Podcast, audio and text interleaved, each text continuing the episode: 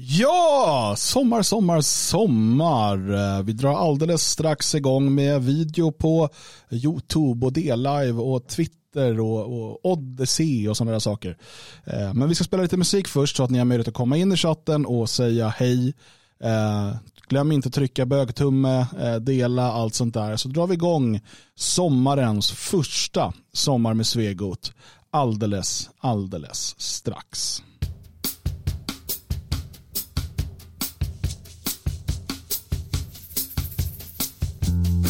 Man får dansa. Sväng på höfterna. Vaknar upp, har sovit gott och regnet dragit bort. Solen värmer, känner doft utav jasmin. Ta en kaffe på altanen, smakar alltid lika gott. Luften fylls av surr från humlor och från bin. Byter om och går till stranden. Kanske tar jag mig ett dopp. Man kan höra falkens ungar ifrån tallens högsta topp. Det här är sommaren i Sverige. Då det sommaren är som bäst. Det är den tid på året som vi gillar mest. Nu lövas logen inför kvällen en del av blommor i sitt hår. Det är midsommar med allt vad som hör till. Barnens dans runt stången, lek och skratt. Jag minns det som igår. Vuxna dukar fram potatis, snaps och sill. Det ska skålas, det ska sjungas, det ska dansas natten lång. Själv så sitter jag på min altan och skriver denna sång. Det här är sommaren i Sverige, då när sommaren är som bäst. Det är en tid på ordet som vi gillar mest.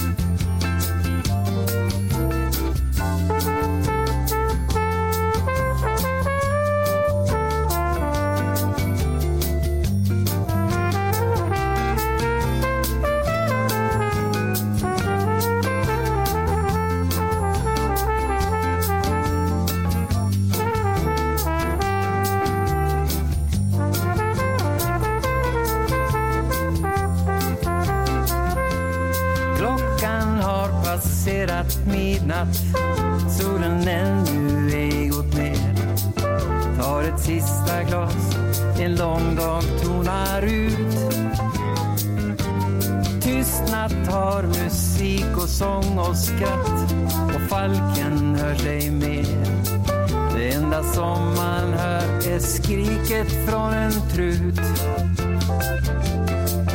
Havet ligger blankt och stilla. Inga krusningar syns till. Imorgon är en helt ny dag och jag ska bara ligga still. Det här är sommaren i Sverige. Då när sommaren som bäst. Det är den tid på året som vi. Det är den tid på året som vi. Det är den tid på året som vi gillar mest. Ja, då kör vi. Sommar med Svegot.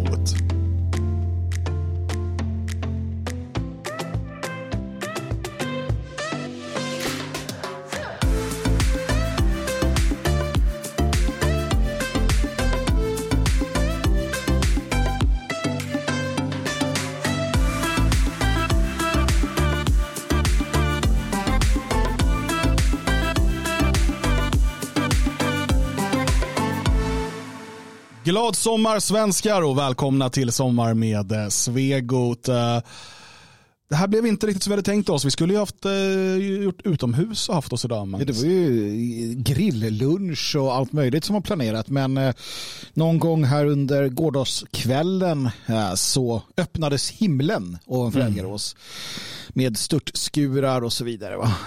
och det har fortsatt här och det är lite svalt kan man säga. Regnigt, det är eh, blött. Man kan säga att våtmarkerna håller på att återfuktas. Eh, och det är ju jättebra för eh, alla bönder och vår hälsa. Va? Men ja, det finns ju också problem med det. I alla fall om man tänkte köra en utomhussändning med grillspecial. Ja, då blir det ju inte så helt enkelt. Va? Så att vi skjuter på det. Det blir en annan gång helt ja. enkelt. Vi har lite andra underliga specialer på gång.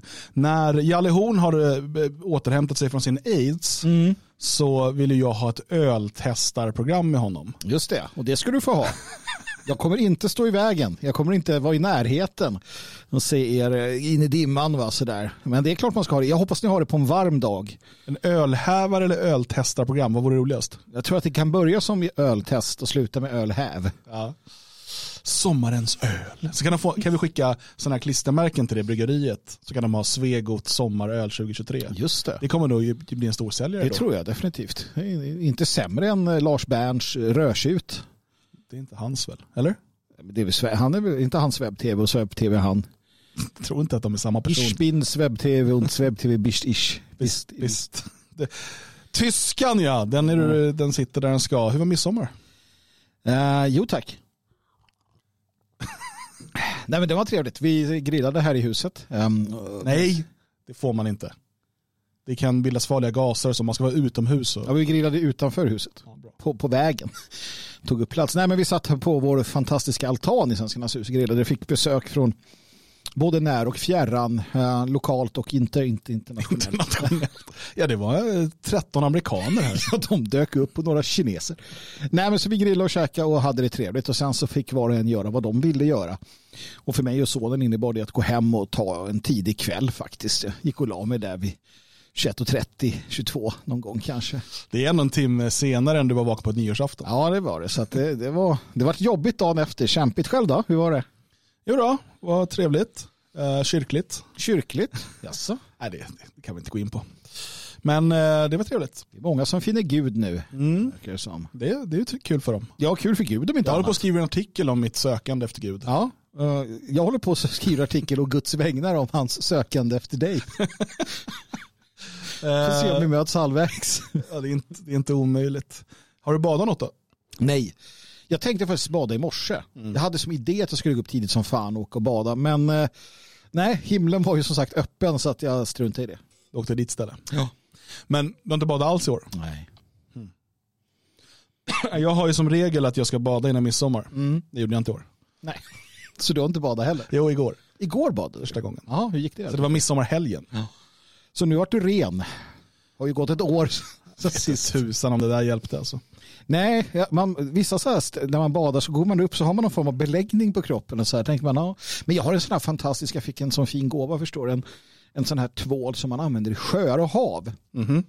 uh, och den tänkte jag att jag skulle kunna tänka mig att använda någonstans. Uh, förslagsvis på min egen kropp då naturligtvis. I samband med, nej men det är som du säger, jag känner inte att man blir så där ren i, i vattnet kanske. Men eh, havsvatten är väl bättre.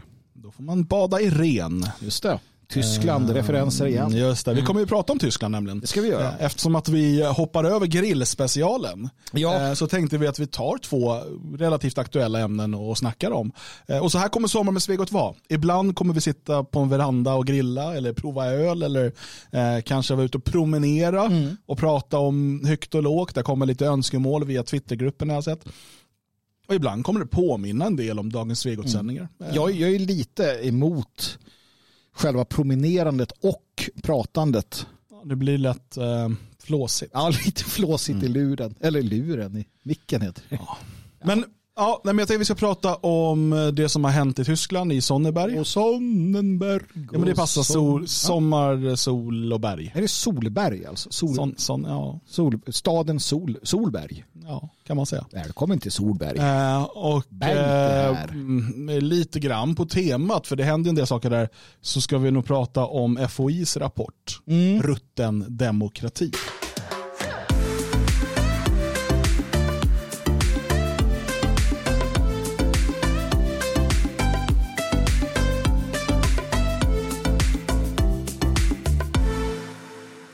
Och vi börjar ju med eh, Tyskland och eh, det som hände i Sonneberg. Jag har eh, hittills publicerat två artiklar på daneriksson.com om detta. Eh, för att eh, det här är en så pass stor grej. Eh, i, I morgon eller senast övermorgon när jag blir nöjd med artikeln eh, så publicerar jag en tredje artikel eh, som är en liten analys om framtiden. Men jag har tittat dels på vad var det som hände mm och hur har reaktionerna varit. Jag tänker att vi kan börja med att kolla där. Jag vet inte hur mycket du, har du hängt med i liksom, tyska nyheterna? Jag ser ju att du har, du har ju matat med information på din, eh, eh, din hemsida ja, och skrivit om det här. Och det är väl eh, inget jag har läst utan jag tänkte att jag väntar tills du får berätta för mig om vad som har hänt. Så att jag, jag hade lite på känn att vi skulle prata om det här nämligen. Um, men eh, jag har sett att det har hänt saker. AFD går eh, starkt framåt och alla får panik. Egentligen behöver jag inte läsa för att veta grunderna. Uh, går bra för AFS, dåligt för AFD. AFD ja. dåligt för systemet, skriker om hat och förbud. Ungefär så tänker jag, men du ska få... Nej, men då, så tack för idag. det, var, det var det. Eh, det är ju ungefär så ja. Ehm, det, det har ju, de senaste månaderna så har ju Alternativ för Deutschland gått väldigt starkt framåt i opinionsmätningar. Inte minst i forna öst, men egentligen hela Tyskland. Och det finns flera anledningar till det. Det här är inte bara en invandringsfråga. Det finns ett allmänt missnöje med eh, regeringen, eh, den så kallade Ampel-regeringen, alltså LAMP, gatuljusregeringen. Alltså den är ju röd, grön och gul. Alltså det är färgerna på de som är med i regeringen. Ja, ja, ja. Så det kallas för Ampel. Alltså Ampel betyder trafikljus. Ja, bra. Nu har vi kommit förbi det. Ehm, och så det är miss, missnöje med dem. Eh, det är missnöje med eh, sanktionspolitiken mot Ryssland. Inte bara för att man kanske är proryska i öst i större, och det kanske är konstigt att förstå, men vi kommer kanske komma in på varför. Eh, utan också för att man menar att det här kostar väldigt mycket pengar för Tyskland. Ehm, och för tysk industri och det hotar en massa jobb. Ehm, Tyskland är ju ett väldigt gasberoende land. Eh, och eh, framförallt då Östtyskland byggde ju under DDR-tiden så byggde man hela sitt energisystem ihop med liksom öst. Eh, så att man har ju byggt hela liksom, det här gassystemet eh, för att man ska få gas österifrån. Mm. Eh, och det här var ju då som sagt, det byggdes under en tid då man var en del av Sovjetblocket. Eh, och när man sen stängde av gasen från Ryssland och gaspriserna sköt i höjden så blev det väldigt dyrt, inte minst i öst. Eh, det finns många saker som folk är missnöjda med. Nu har man ju då, på grund av att man har de gröna i regeringen, så har man ju då som talat om vilken typ av värmesystem ska vara tillåtna i framtiden. Det börjar talas om väldigt många krav på att folk ska byta ut sina värmesystem, eh, alltså tvångsbyta dem. Såklart inte betalt av staten, Nej, då, nej, det får man man pröjsa själv. ja. Precis som de här nya EU-reglerna som kräver massa miljöanpassningar som kommer bli svindyra. Eh, Alltså det finns en hel radda med saker folk är jävligt missnöjda över. Eh, framförallt i forna öst. Får får jag bara, ursäkta att jag bryter här för en helt annan, eller det är inte en helt annan, jag bara, jag bara hörde det. Man, man- alltså det här med, med, med klimattokeriet som du pratar om, hörde du från New York? Ja, med eh, pizzerierna. Pizzaugnarna måste, st- alltså måste minimera utsläppen för att få fortsätta.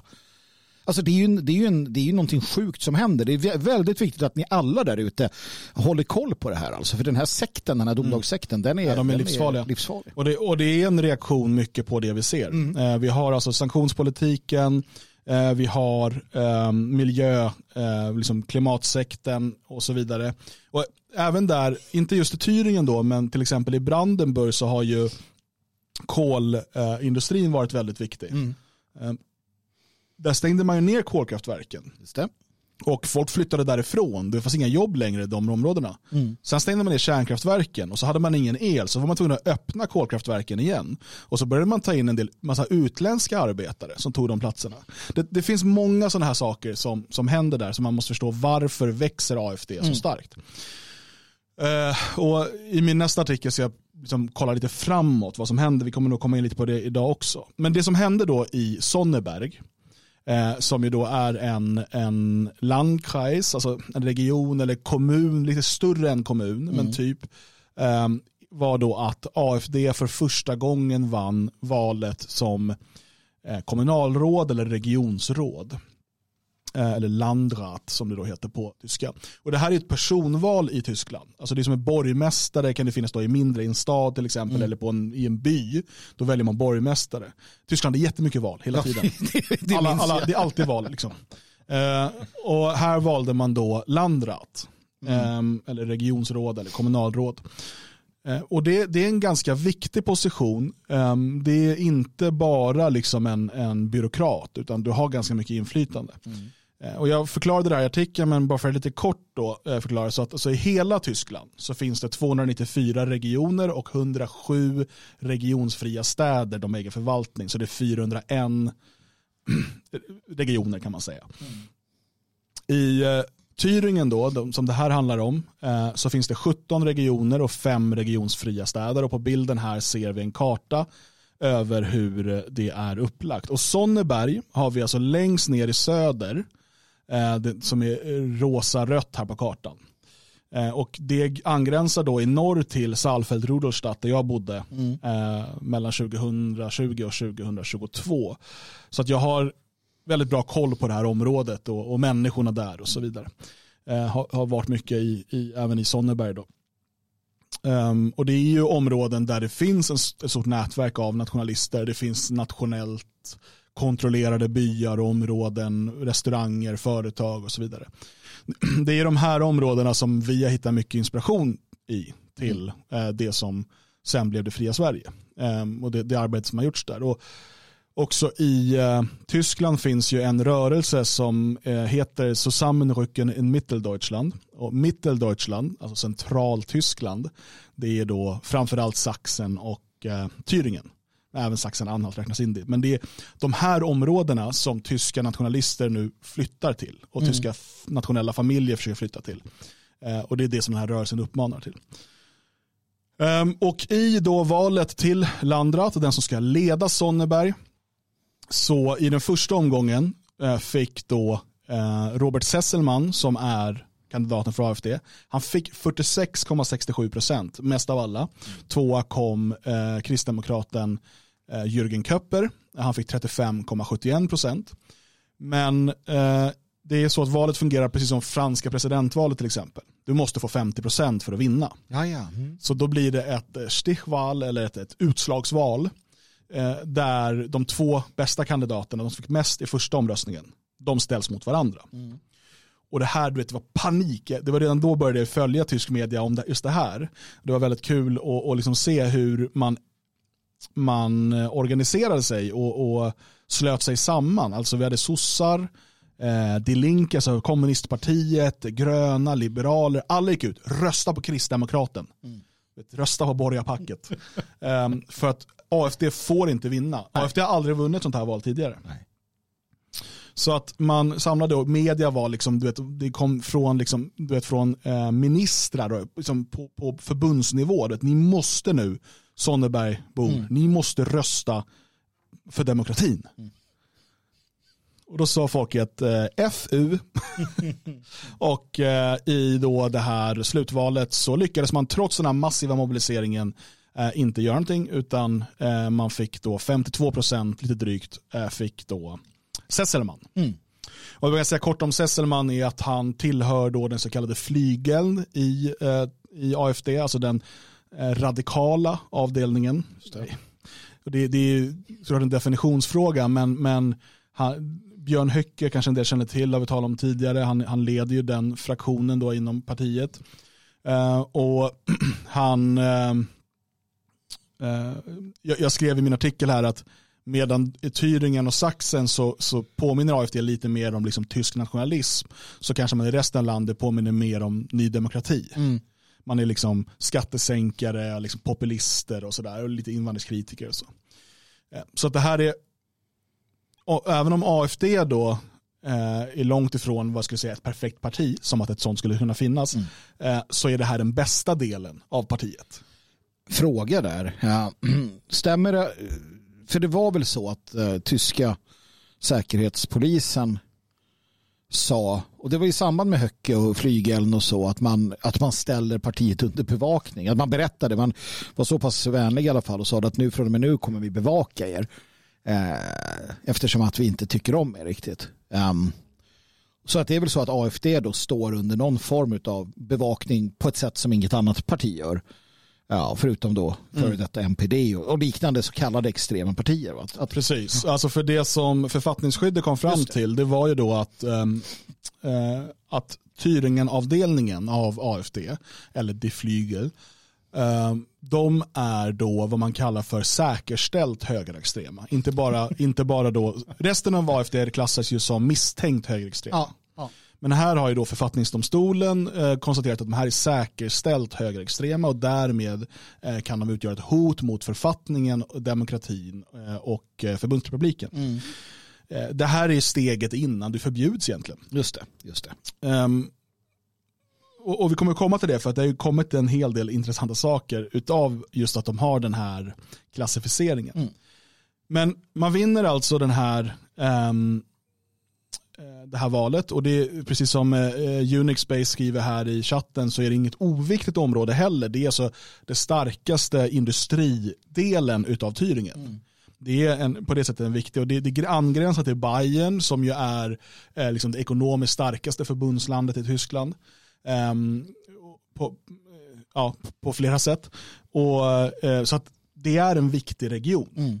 Eh, och den hamnar nu då under AFD, åtminstone som landrat. Sen så har man ju fullmäktige Mm. ehm, där man inte har majoritet. Just det. Så det är lite som du tänker, om man, eh, vad skulle en svensk kanske kunna förstå det som ehm, presidenten och senaten eller Mm. du vet, man måste, visst presidenten i USA kanske vill genomföra någonting men har han inte senaten med sig Mm. så kan det bli svårt. Eller så. Ehm, men det, det här är ju, det är stort för att det innebär eh, ett, ett, trend, ett genombrott Mm. för AFD. Och det här är egentligen någonting som jag bara gått och väntat på med tanke på att AFD har visat sig vara största parti i många delar utav Thüringen och Sachsen. Mm. Ehm, även i delar av Brandenburg, Mecklenburg-Vorpommern eh, och sådär. Men, men framförallt då Thüringen och Sachsen. Men det är att vara största parti, det kanske innebär att du har 25-30 procent. Men att sen vinna de här uh, utslagsvalen, det kräver ju att du får med dig folk som kanske normalt sett inte röstar på ditt parti. Mm. För det som händer här i utslagsvalet, det är ju att eh, människor som i första omgången och som egentligen inte ville rösta på AFD, Mm. de ville rösta på något av de andra partierna. De säger att, ah, men vänta nu, står vi i det här läget, då väljer jag AFD. Det är det stora, eh, det stora genombrottet. Där kan vi misstänka att de kommer från eh, till exempel Kristdemokraterna. Nu var det ju en kristdemokrat som ställde sig mot. Jag tror att eh, den här mobiliseringen och eh, pekfingret mot eh, Sonnebergarna, Mm. att nu ska ni rösta så här, att det fick en del att Ja, så, här, nej, Nej. så här kan inte ni hålla på. Vi är missnöjda här och vi vill ha en förändring. Och det enda vi kan få förändring det är att inte välja något av gammelpartierna. Jag fick glöm inte att östtyskarna var väl i princip de som drev på den, det som nästan blev en revolution där man skulle införa personnummer. Va? Eller, nej, det var inte personnummer, det var någonting man skulle införa. Ja, i, eh, om det var i Berlin. tror det i jag, som Berlin, Ja, det? som de här kravallerna var sen. Okej. Ja, nej, men östtyskarna är ju i alla fall, som du säger, eh, som du sa initialt, de är ju väldigt skeptiska, gärna. Och ganska sådär bångstyriga. Um, så att nej, det är inte så konstigt att, ja, vem vet vem som har röstat på honom, men uppenbarligen så är man inte nöjd. Um, Nej, och det här skickar ju också signaler till andra områden. Att Mm. liksom, det här går, det här kan hända. Och vi har flera nu land, landsdagsval, alltså det som är eh, parlamentet för förbundslandet. Så Thüringens parlament, Sachsens parlament och så vidare. Och det här är stora poster. Alltså det här, Mm. då pratar vi, eh, det kan närmast jämföras med riksdagsval idag. Och så kan man se valet till förbundsdagen som EU-valet. Ja, väldigt mycket bestäms från Berlin, nominellt. Men eh, du har också mycket makt regionalt. Mm. Eh, och tidigare då NPD som numera heter Die Heimat, de har ju suttit i, i eh, landsdagen i eh, Mecklenburg-Vorpommern och i Sachsen. Mm. Jag gjorde ju praktik i eh, Sachsens eh, landsdag, eh, deras parlament där, för NPD, eh, för en herrans massa år sedan. Tio, tio år sedan. Eh, men ehm, så att och, nu är det ju inför det här valet, för man tror ju att AFD kommer att gå väldigt starkt i framförallt Mitteldeutschland. Mm. Ehm, jag tänker där, alltså hur, hur, men hur stora är de sannolikheterna? Jag menar som sagt eh, att, att när du hamnar i dem, alltså det vi har sett till exempel i eh, där du bodde tidigare, där vi har många kamrater, där gick man ju verkligen ihop allihopa för att uh, få in Linke var det väl då? Mm. Som, som liksom får sköta om styret. Och man verkar ja, det är det och... som händer nu för att vi hade ju då i Tydingen eh, så valdes ju eh, Kemmerich, alltså Liberalernas ledare mm. där, valdes ju till eh, ordförande i landsdagen. Um, och det var ju eh, genom en typ av kupp av AFD. Genom att de, de inte röstade på sin egen kandidat. Just. Men de röstade på honom för att kommunisten eh, Ramelov inte mm. skulle kunna fortsätta. Um, och det som hände då var ju att Kemmerich godtog valet och blev, eh, jag kommer inte ihåg vad det heter nu, men, men ordförande för eh, landsdagen. Eh, mo, alltså ministerpresident. Mm. Ja, det är som, som statsminister fast i, liksom. han är ja. ledare för den, det, det, det, det landet. Um, och eh, han godtog det, men det, vet, det kom ju alltså från Berlin då, från CDU, från FDP, hans parti Liberalerna eh, och så vidare, kom det då krav på att han måste avsäga sig den här posten. Ja. Eh, och för att han har fått den med stöd av AFD. Alltså, och till det... slut gjorde han det efter tre, fyra dagar, sånt där tror jag. Och eh, via då en massa byråkratisk eh, liksom jiu-jitsu mm. så blev kommunisten eh, Ramelov mm. återigen eh, chef. Men, men det verkar ju som att, ja, alltså det här vi har pratat om i eh, med Kit Mårtensson och liknande, det verkar ju vara Alltså, i, man, man, verkar spela för så öppna ridåer i, i Tyskland med det här. Att så fort det är alltså någon form av nationalistisk framgång även om det är liksom AFD, då är man beredd att i, i, i princip i det öppna säga att nej, vi måste skita i allt. Det finns inga principer, de här ska bort, de här ska inte ha något att säga till om. Jag vet inte om det har, jag menar som när MPD förra om åren kom in som i Köpenick eller på andra ställen, liksom var det samma sorts spel inför gallerierna. Att nej, de här måste, ja, alltså, måste tysta dem. Det är en väldigt vanlig sak som jag vet har hänt MPD på eh, lokal nivå. Det var säkert så i Landtag också. Jo, i Saxen vet jag att det skedde när jag var där. Eh, det är ju att de lägger ett förslag som har stort stöd hos folket. Alla röstar emot det. Vid nästa möte läggs samma förslag av ett annat parti och så röstar de för det. Det, det, det, det är som en sandlåda, det är sådana ja. patetiska liksom, eh, småungar. Mm och, och, det är det här man inser, och det här, det här är jobbiga med att bli äldre, att bli mm. vuxen. Det är att man inser att vi är ju alla fortfarande barn i förvuxna kroppar. ja, men vi pratar, för att folk leker lekar, du vet, allting fortsätter ju på samma sätt. En del av oss försöker mm att agera vuxet så som vi anser att man ska agera vuxet. Men det är uppenbart att de här människorna som sitter i olika parlament runt om i vårt land och i Tyskland och i många andra länder. Det är ju egentligen samma jävla tolvåringar som är på att liksom fula sig för att bli elevrådsordförande. Mm. Det är samma personer som beter sig på samma sätt. Och, och liksom allt handlar om att ja, men, eh, om jag gör så här då får jag ryggdunkar och tuggummi utav den där mm. gruppen på skolan. Liksom. Ja, men det, det är ju verkligen, alltså, det är så tydligt att det är makt för maktens skull och det är det enda man bryr sig om. Uh, men att man, att man återigen kan göra det så öppet ändå, det är ju fascinerande och att tyskarna någonstans, men ja, jag, vet, jag förstår inte riktigt. Eller, ja, jo, det gör man väl. Alltså det är så det här fungerar. Frågan är, frågan är eftersom det är, en, alltså, det är något nytt nu med det som händer i Sonnenberg, att, att det går så här långt i alla fall. Men hur, hur har de tänkt? Alltså, nu, kan det väl inte, nu, nu finns det väl inget sätt att stoppa det här på. Han, han har fått 50 plus procent. Nu, nu är det väl klart i alla fall. Låt oss kolla in public service. MDR. Mitteldeutsche Rundfunk. Just det. Rundfunk. Det här är alltså då, det är motsvarande SVT i Tyringen kan man säga. Mm. Som ställer sig frågan, eh, kan en medlem i en extrem förening överhuvudtaget eh, bli landrat eller regionsråd eller kommunalråd? Um, och här har man då talat med experter på författningen.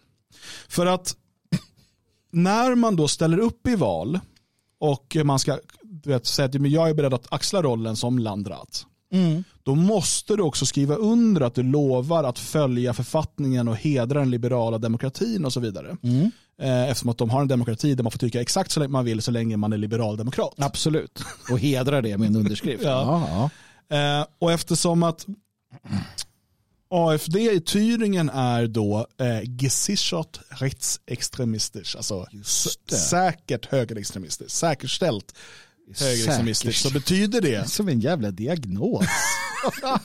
så betyder det att de också då eh, inte riktigt lirar med författningen och liksom alla människors lika värde Nej, och sånt där eh, enligt författningsdomstolen. Och eh, det här eh, är då, alltså, så, så eh, i, i eh, lagen, alltså vallagen, så står det ju det här att man måste vara då liberaldemokrat. Mm.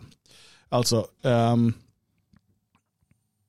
man kan inte väljas till landrat om man inte eh, liksom mm, kan gå i god för att man alltid kommer stå upp för den liberala demokratins grundordning eh, i, så som den uttrycks i grundlagen och land, eh, landsförfattningen. Mm. Ungefär så snabbt översatt här från vad det står. Ehm, och eh, därför så har man då talat med eh, ordföranden för liksom, eh, val, valledaren eh, och eh, jurister på det här. Det här har alltså public service gjort. Mm. Och eh, de är inte helt säkra.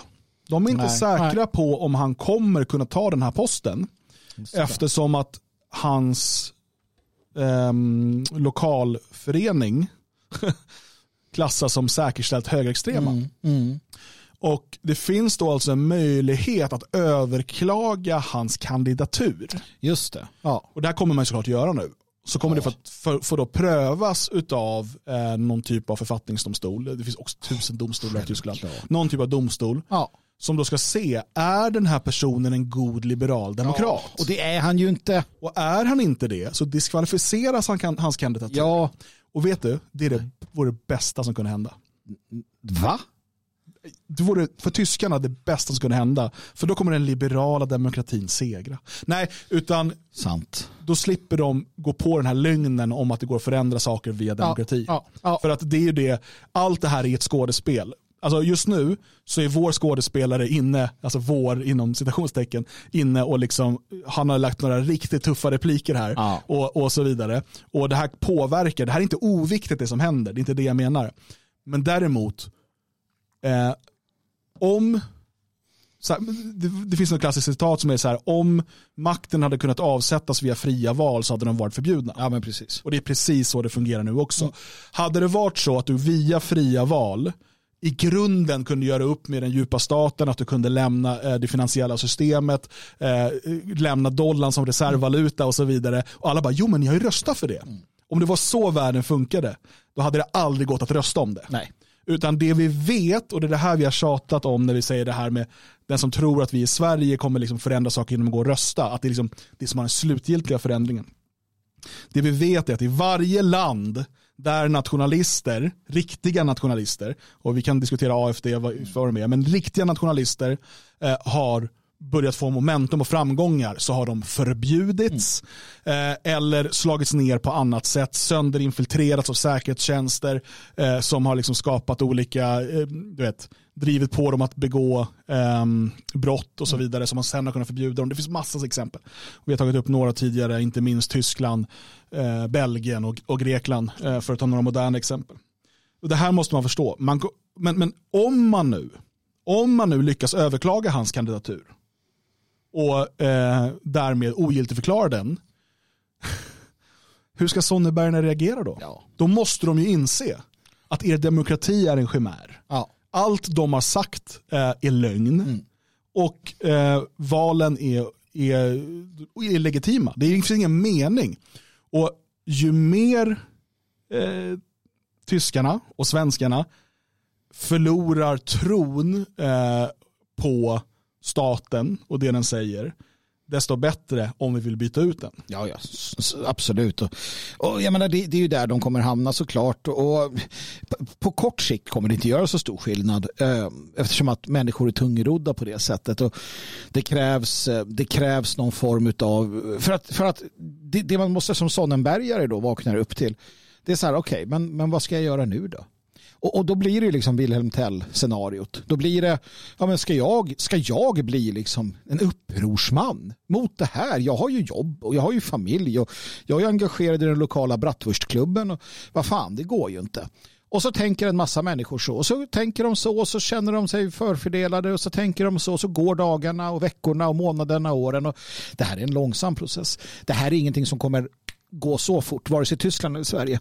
Men det är som du säger, det här är ju någonting som eroderar eh, staten, kommunen, den liberala demokratin. Och den gör det av helt, den faller på eget grepp till sist. Och den, den, den, gör det här mot sig själv för den hade kunnat släppa fram den här killen och låta han sitta i fyra år. Det hade inte varit hela världen. Såklart, realpolitiskt hade inte hänt särskilt mycket. Det är det att de klarar inte av det. Det här har vi också sett genom historien. Den här typen av maktfullkomlighet som, som utgörs av den typen av människor vi ser på bilden här nu. Uh, vill ha hennes Tinder-adressen om det finns. Uh, nej men de människorna kan inte vara återhållsamma. De kan inte vara det. De kan inte begränsa sig själva.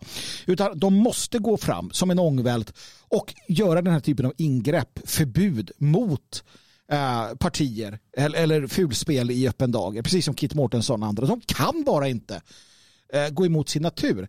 Det är lite som, som eh, den här sköldpaddan och skorpionen. Eh, eller skorpionen och haren eller vad det är. Som sen blir stungen och båda dör. Men varför gjorde du så här? Nu dör alla. Ja, men jag kan inte gå emot min natur. Det här är deras natur. Ja, så att det som du säger är naturligtvis fantastiskt bra. Men det, det den frågan man, man måste ställa sig och det, det tycker jag att vi alla ska göra. Det är vad återstår då? Alltså vad återstår om, om vi röstar för vår kandidat och han vinner och de så här Nej du, vi tar tillbaka det här, inte går inte. Vad, vad återstår då? Vad, vad... Mm. Nej, och det är ju det. Jag tror, att, eh, och jag tror inte det som återstår är liksom väpnad revolution. För att den är... Um, den, den, saker och ting ser väldigt annorlunda ut mot vad det gjorde för 150 år sedan. Oh ja. eh, hur, hur staterna är beväpnade och så vidare. Det, ja. det, det är en helt annan eh, sak. Eh, fråga Prigozjin.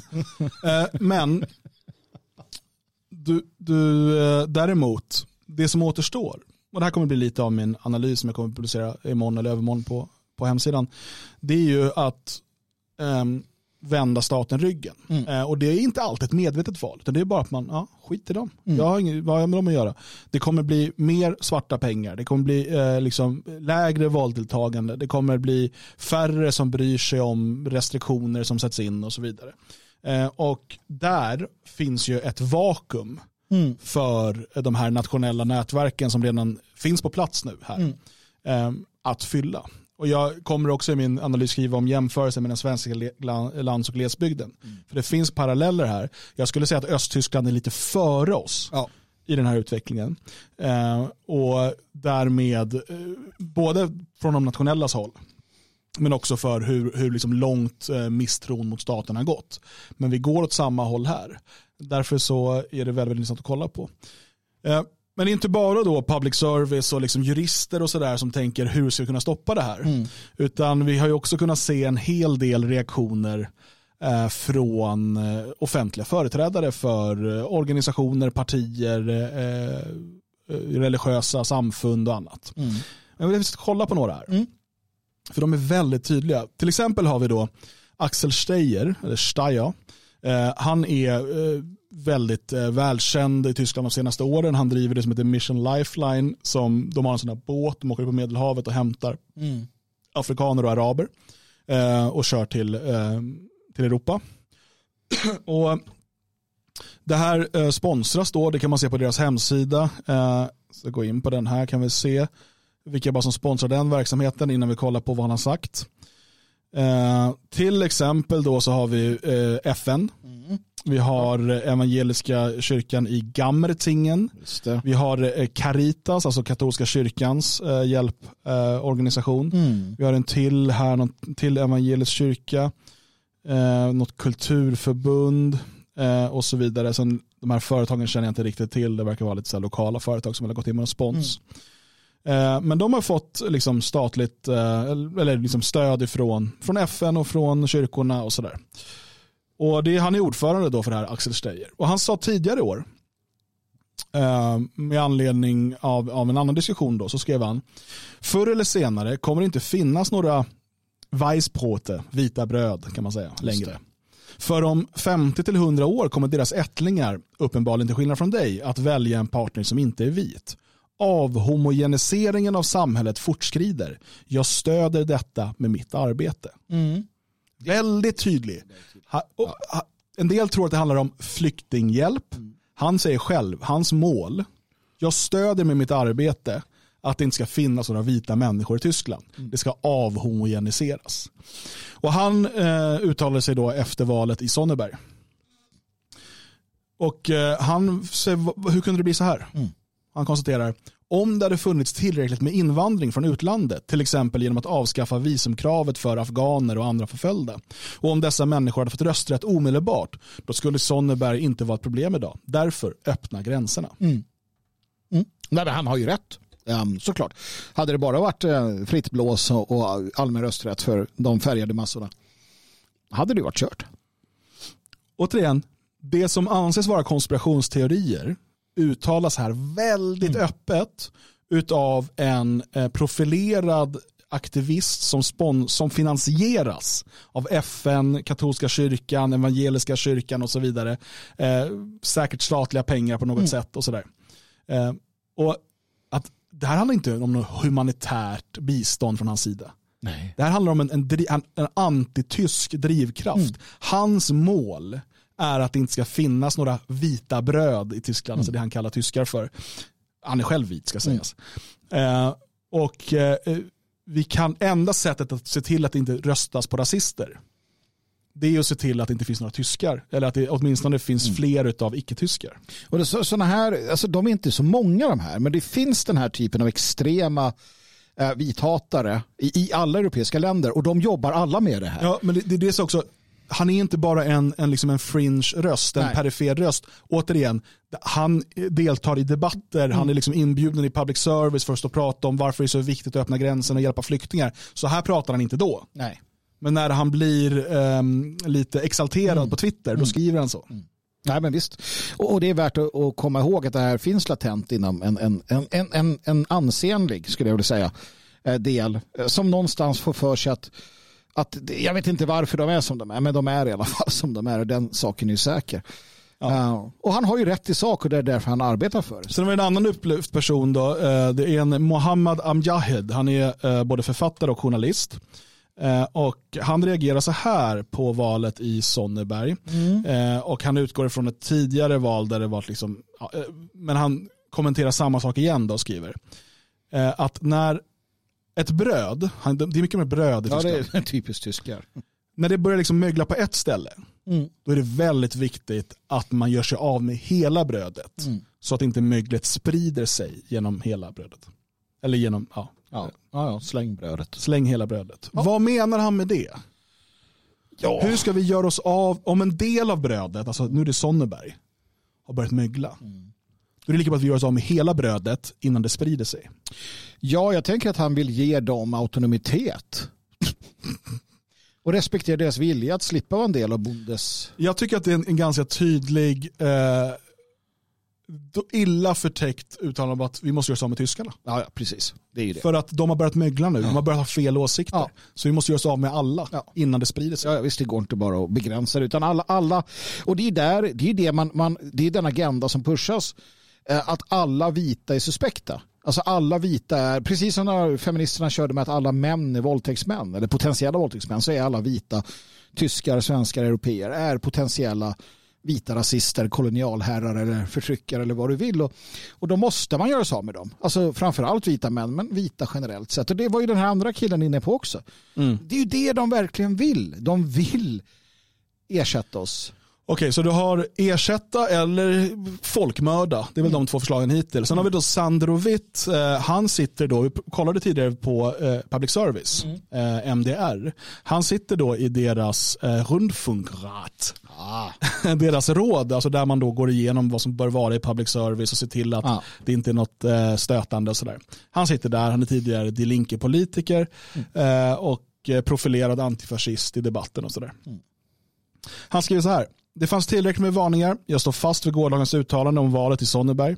Denna symboliska seger måste skrämma och skärpa synen på vad fascisterna kommer att uppnå i eh, landsdagsvalen eh, i Thüringen. Eh, landslagsvalet i Thüringen. Fascister hör hemma i domstol, inte i det demokratiska samtalet. Så Ja. vi, hade, vi hade då ersätt, mörda, förbjud. Ja, Det är de tre. det är där det brukar bli. Ja, det är där det brukar bli. Det är det, det är som man brukar hantera dissidenter och feltänkare generellt sett historiskt sett också. Lite omvänd ordning kanske. Eh, brukar försöka med, med det. Men, men det är ju fascinerande ändå. Nu var de ju eh, klarlagt högerextrema, men han går ett steg längre. Det här är fascister. AFD är fascister. Jag, jag minns han killen som vi tränade med ibland i Falkensee, som var deras lokala AFD-representant. Han, var så fasci- han var ju så långt ifrån fascist man kan komma. Ja, tyvärr. Ja.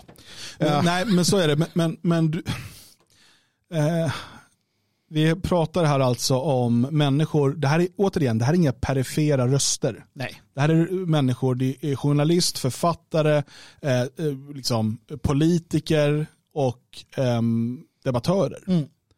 Som alla på olika sätt finansieras med, med tyskarnas skattepengar Mm. som uppmanar till detta. Ehm, inom politiken eh, så eh, kunde vi se eh, till exempel då ett av språkrören för Miljöpartiet i Thüringen. Eh, hon skriver att majoriteten av de som gick till valurnorna röstade för kandidaten från ett högerextremt parti vars politiska agenda är social splittring. Eh, Christian Schaft som är ordförande för Die Linke i Thüringen, han skriver så här. Valresultatet i Sonneberg är ödesdigert. För första gången kommer extremhögern AFD att ha en landrat. Den demokratiska kandidaten lyckades inte få en majoritet. Ilska och indignation blandas med vetskapen om att detta resultat inte föll från himlen. Strategin med att anta retoriken från ett högerkulturkrig fortsätter att bara betala in på AFDs konto som originalet. Och nu kommer många blickar vändas mot Sonneberg i några dagar. Men när uppmärksamheten sjunker kommer en farlig normalisering att utvecklas. För lokalpolitik är inte opolitisk. AFDs valseger är inte bara en ödesdiger symbol. Den är också ödesdiger för alla de som inte passar in i AFDs världsbild och som varje dag står upp för demokrati, mänskliga rättigheter och ett öppet samhälle. Alla de som står upp för ett solidariskt och öppet samhälle behöver därför vår uppmärksamhet och vårt stöd. Katarina König Preuss har samlat i en tråd vilka du kan stödja och hur. Solidaritet måste ske i praktiken. Mm. Ehm, och jag tog med det här. Inte bara för att liksom det, här, det är roligt med det här fluffet som är samma som överallt. Och att de då som vill förbjuda, mörda och eh, eh, liksom, köra folkutbyte, det är de som är öppna och toleranta. Då. Eh, utan för att han nämner Katarina König Preuss. Mm. Katarina König Preuss, om man har bott i Thüringen eller om man är engagerad i de här frågorna så vet man mycket väl vem hon är. Eh, Hon har suttit i Thüringens landsdag sedan 2009 och är deras, hon är ansvarig för deras kontakt med antifascistisk aktion och andra liknande organisationer. Hon, är, eh, ja, hon, hon har som uppdrag, sitt antifascistiska uppdrag då, för, framförallt för partiet då, men det blir så i förlängningen för eh, landsdagen eftersom att den fortfarande kontrolleras av kommunisterna. Hon använde hashtaggen FreeLina för ett tag sedan.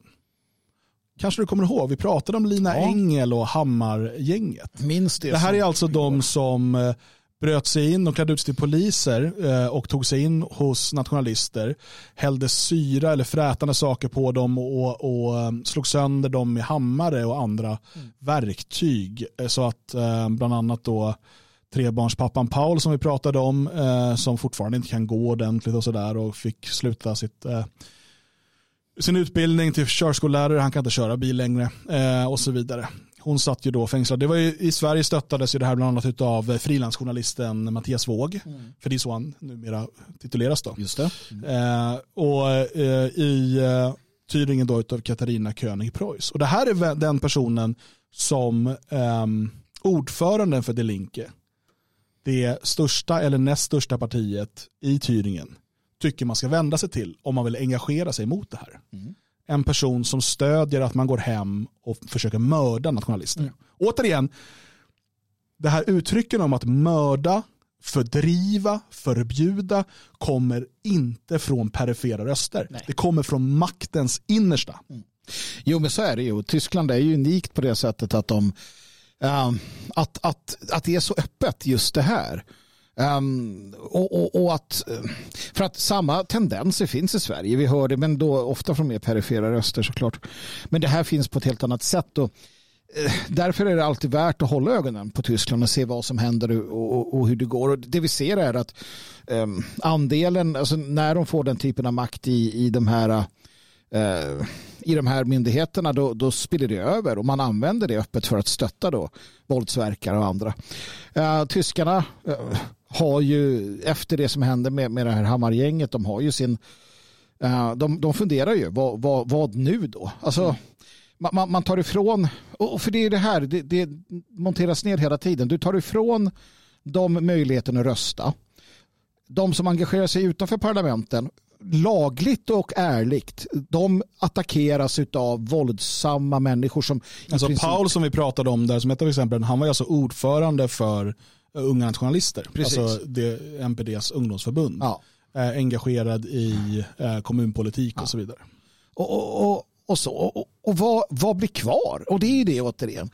Jag tror ju att man från de här hållen, framförallt från det vänsterextrema hållet, vill se ett väpnat uppror. Man vill se hur tyska nationalister går på en våldsam offensiv. För då kan man äntligen släppa lös hela eh, det tyska, den tyska säkerhetsapparaten och en gång för alla göra sig av med dem så som de resonerar. Jag är rätt säker på att det är ditåt de driver det. Om varenda um, kristdemokrat är med på noterna? Nej, antagligen inte. De är ganska efter. Men det finns definitivt i Tyskland en sån vilja och den har funnits ganska länge med förbud etc. etc.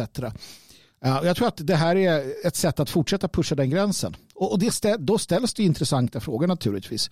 Um, frågor som, som dyker upp här hemma i, i Sverige också som vi har sett på senare tid. Mm. Och även då från eh, religiöst håll, eh, inte minst från judiskt håll, eh, har man uttalat sig om detta. Eh, bland annat då från judarna i Tyringen så har vi Reinhard Schramm som säger att han är djupt ledsen över detta. Eh, och presidenten för judiska centralrådet i Tyskland Josef Schuster som säger att de demokratiska politiska krafterna i detta land helt enkelt inte kan acceptera detta. Eh, och även då eh, vicepresidenten för internationella Auschwitz-kommittén, Christoph Hübner, Heubner, han har uttalat sig. Han har sagt att de tyska väljarna har tagit avsked från demokratin mm. och medvetet valt ett högerextremt nazistdominerat förstörelseparti. Mm. Ja, jag vet inte. Alltså det, det är verkligen upp och nervänt och, och, det går liksom inte att manövrera i det här utan att tappa fotfästet ärligt talat. Mm. För att de, de lyckas ju få det till det. Du som gör rätt gör fel och du som gör fel gör rätt. Och vad du än gör, tyska nationalist, så gör du fel och är du vit så är du alltid längst ner. Ja, det är svårt att, det är svårt att manövrera på något sätt i det där. Mm. Men det, det viktiga är väl att förstå, det tycker jag att det här börjar alla ta till sig och förstå eh, att det som övertrumfar alla andra frågor är det faktum att de vill ha ihjäl oss. Alltså, jag kommer inte undan det. De vill ha ihjäl oss antingen på sikt eller på närtid. De vill strypa alla våra röster. Um, och det är det som måste övertrumfa allt annat. Mm. Um, att det är det det handlar om. Jag tror inte vi kommer hinna prata om den här rapporten idag. Nej, men det kan vi ta som uppföljning till eh, ett annat tillfälle. Precis, det finns att säga om den. Men den, är ju, den fortsätter ju lite. Det som händer just nu i Sverige mm. det är ju att man eh, förbereder för att kunna införa organisationsförbud lite i Tyskland. Mm. Eh, och det här drivs ju fram av Sverigedemokrater, Moderater, Kristdemokrater och så vidare. Men nu verkar ju även sossarna och så vara för det. Absolut. Ehm, och det, den här rapporten känner jag Eh, är något som ska ligga till grund sen för vidare rapporter om vilka som bör förbjudas. Alltså man krattar manegen, man hittar på nya ord. Man, man ser att, uh, jag skriver om det här på Sveting, eh, uh, sveting.se, du är varmt välkommen att läsa. Jag hade en liten minipodd på härden.nu också här idag om det här ämnet. Och och det man ser är att man hittar på lite nya ord, men det är samma gamla gäng i princip. Förutom vissa förändringar och det är i, i retoriken, man, man hittar på en ny, alltså att, att det finns någon form av samverkan då, alla som ogillar staten. Och det är det nya. Förut mm. var det alltså, högerextremister eller eh, alltså, avgränsade grupper. Men nu är det någon, någon diffus grupp som är de som inte gillar Sverige AB. Och det är du. Och det här tycker jag är det mest spännande i den här sagan, pojken eh, som, som då säger att kejsaren är naken, ja, han får ju alla folket att säga till sist att kejsaren är naken. Det, det som händer i den framtida sagan om det här det är att säkerhetspolisen kommer och, och griper pojken. För att den som, och det är tydligt i den här, den som säger att samhället har problem, den som säger att, att det inte är som det ska, det är den som gör fel, det är den som är extremist. Och vi såg något liknande, man försökte lansera för några år sedan det här att Sverigebilden, sådana som du och jag Dan, vi, vi, var, vi var förrädare skrev man för att vi, vi, vi svärtade ner Sverigebilden. Och det är det man lanserar på bred front här. Så det är väl värt att titta närmare på eh, och det ska vi det ska vi väl göra vid tillfälle. Men det är som du säger, man krattar manegen och det är väldigt obehagligt. Så är det. Vi får ta det uh, helt enkelt i kommande avsnitt. Vi får se om nästa blir grillspecialen eller ja. om det är ölspecialen. Kan hoppas. Uh, kanske testa alkoholfria roséviner. Ja, men det kan jag tänka mig vara med på. om det är alkoholfritt så testar jag gärna. Jag blir full av alkoholfritt också. Det är den där smaken. Det är, ja. Min hjärna är programmerad. Så. Uh, så att vi, vi, sparar den. Jag, ska, det är några saker. jag har egentligen bara läst avsnitt om oss. Ja. Och sen läste jag eh, avsnitten om, eh, eller det som Samnytt har skrivit. Just det. Jag ska kolla lite mer på den, mm. känner att då kan vi göra en bättre analys av Precis, den. Lite mer. Eh, till ett, eh, ett kommande avsnitt. Men eh, det här är Sommar med Svegot och det är lite mindre uppstyrt, lite eh, annorlunda. och förhoppningsvis är det nästa gång tillräckligt bra väder för att vi ska kunna göra det här utomhus. Mm. Ehm, snygg profil. Tack så mycket. Jag står och tittar här på någon som är gäst i huset här. Han står och väntar väldigt sådär allvarsamt på oss. Oj, oj, oj. Tittar argt. Gömmer han sig här ja, runt hörnet. Rädd för att visa sig. Uh. kan styra kameran när han inte ser. Så att han... Ja. Dela gärna mer av det här avsnittet ja. Eh, till de som eh, vill lära sig mer om vad som har hänt i Sonneberg och hur allvarlig situationen faktiskt är. Så återkommer vi med ett avsnitt till den här veckan, en sändning till. Mm. När? Vem vet, vem vet. När det är bra väder och gudarna vill. Ja. Stort tack eh, för att du har varit med här idag. Vi är eh, tillbaka senare i veckan och önskar dig en härlig sommardag.